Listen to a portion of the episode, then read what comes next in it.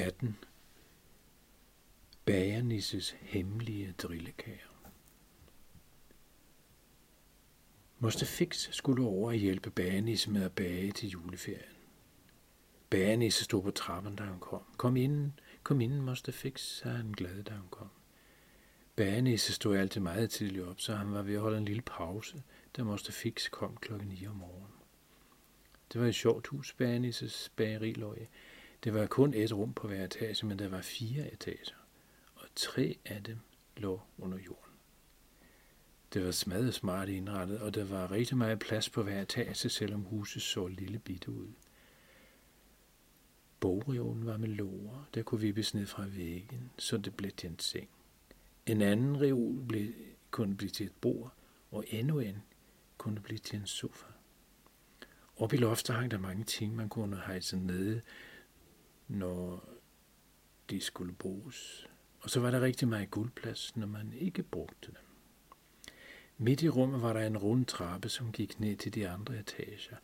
Men trappen kunne trækkes sammen, så man ikke kunne komme hverken op eller ned, og så var gulvet helt, og der var endnu mere plads. I dag havde bagenisse lukket af for den nederste etage.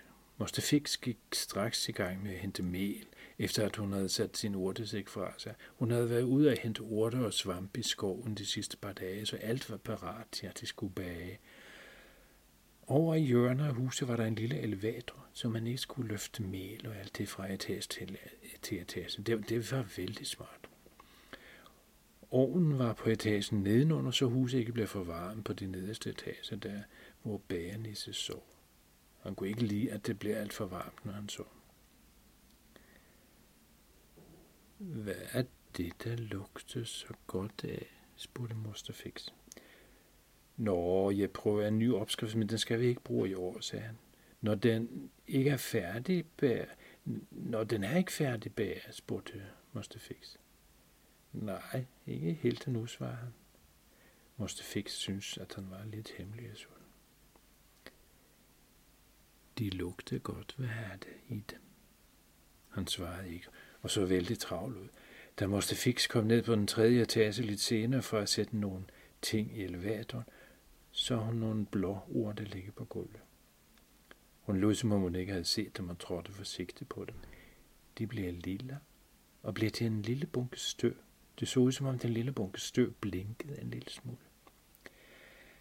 Hmm, tænkte Moster Fix. Hvad kan det dog være for en urt? Uden at hun havde lagt mærke til, at der var bærenisse kommet ned til hende. Nå, du fandt dem, sagde Ja, hvad er det for nogle ord, du har der? Dem har jeg aldrig set før. Jo, se du hvide kom forbi en dag. Han havde fundet en ny vej på de gamle mønsterkort. Den ledte ud til et skovbryn. Han havde selvfølgelig været nysgerrig og var fortsat ind i skoven. Hele skoven var omvendt af vores skove. Alle farver var modsat vores skove. Bladene var grønne på undersiden og lilla på oversiden. Træstammerne var ikke brune, men grønne, og jorden var lyserød, og der var nogle dyr, som boede nede i jorden, ligesom muldvarmer. Men de havde blå pels. Han havde selvfølgelig taget en masse prøver og ting med hjem fra skoven og lavet en masse forsøg med tingene.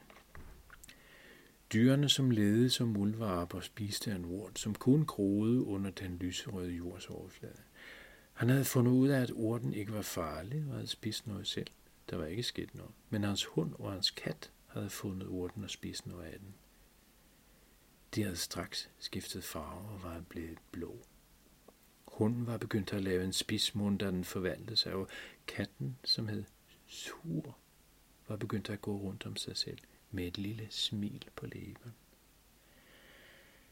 Hunden fjollede bare rundt og prøvede at fange flue med munden, som den plejede, men den så sjov ud med blå pels. Men kattens surt derimod var blevet smadret hurtigt.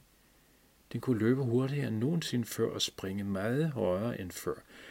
Den kunne løbe så hurtigt, at man næsten ikke kunne se den. Hvide havde en elgammel grå ule, som altid sad og sov. En gang imellem åbnede den det ene øje, fordi jeg holde øje med, at den havde hørt rigtigt. Da han havde givet den noget af urten, var den blevet meget sur og havde flået rundt i hele huset, og da den skulle til at lande, kom der et lysglimt, og den forvandlede sig til at være blå. Den sad og drejede lidt med hovedet fra side til side, som uler nu engang gør, når de sidder og kigger på verden omkring dem. Så havde den knæbet øjnene sammen og kigget på noget i den anden ende af rummet. Der stod en kop på en hylde.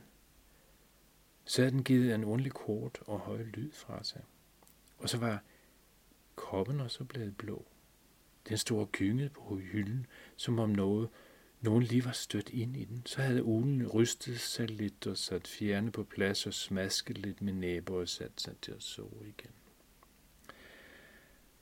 Og nu ville vide have, at du skal lave noget drillekager af den urt. Ja, han vil gerne udforske lidt mere med, med de forskellige urter, han har fundet, og det, det hjælper jeg ham med. Måste så lidt fornærmet ud, og spurgte, så spurgte hun, skal jeg hjælpe? Det synes Bernis var en god idé, men det måtte altså blive en anden dag, for nu skulle de i gang med drillekagerne til juledagen.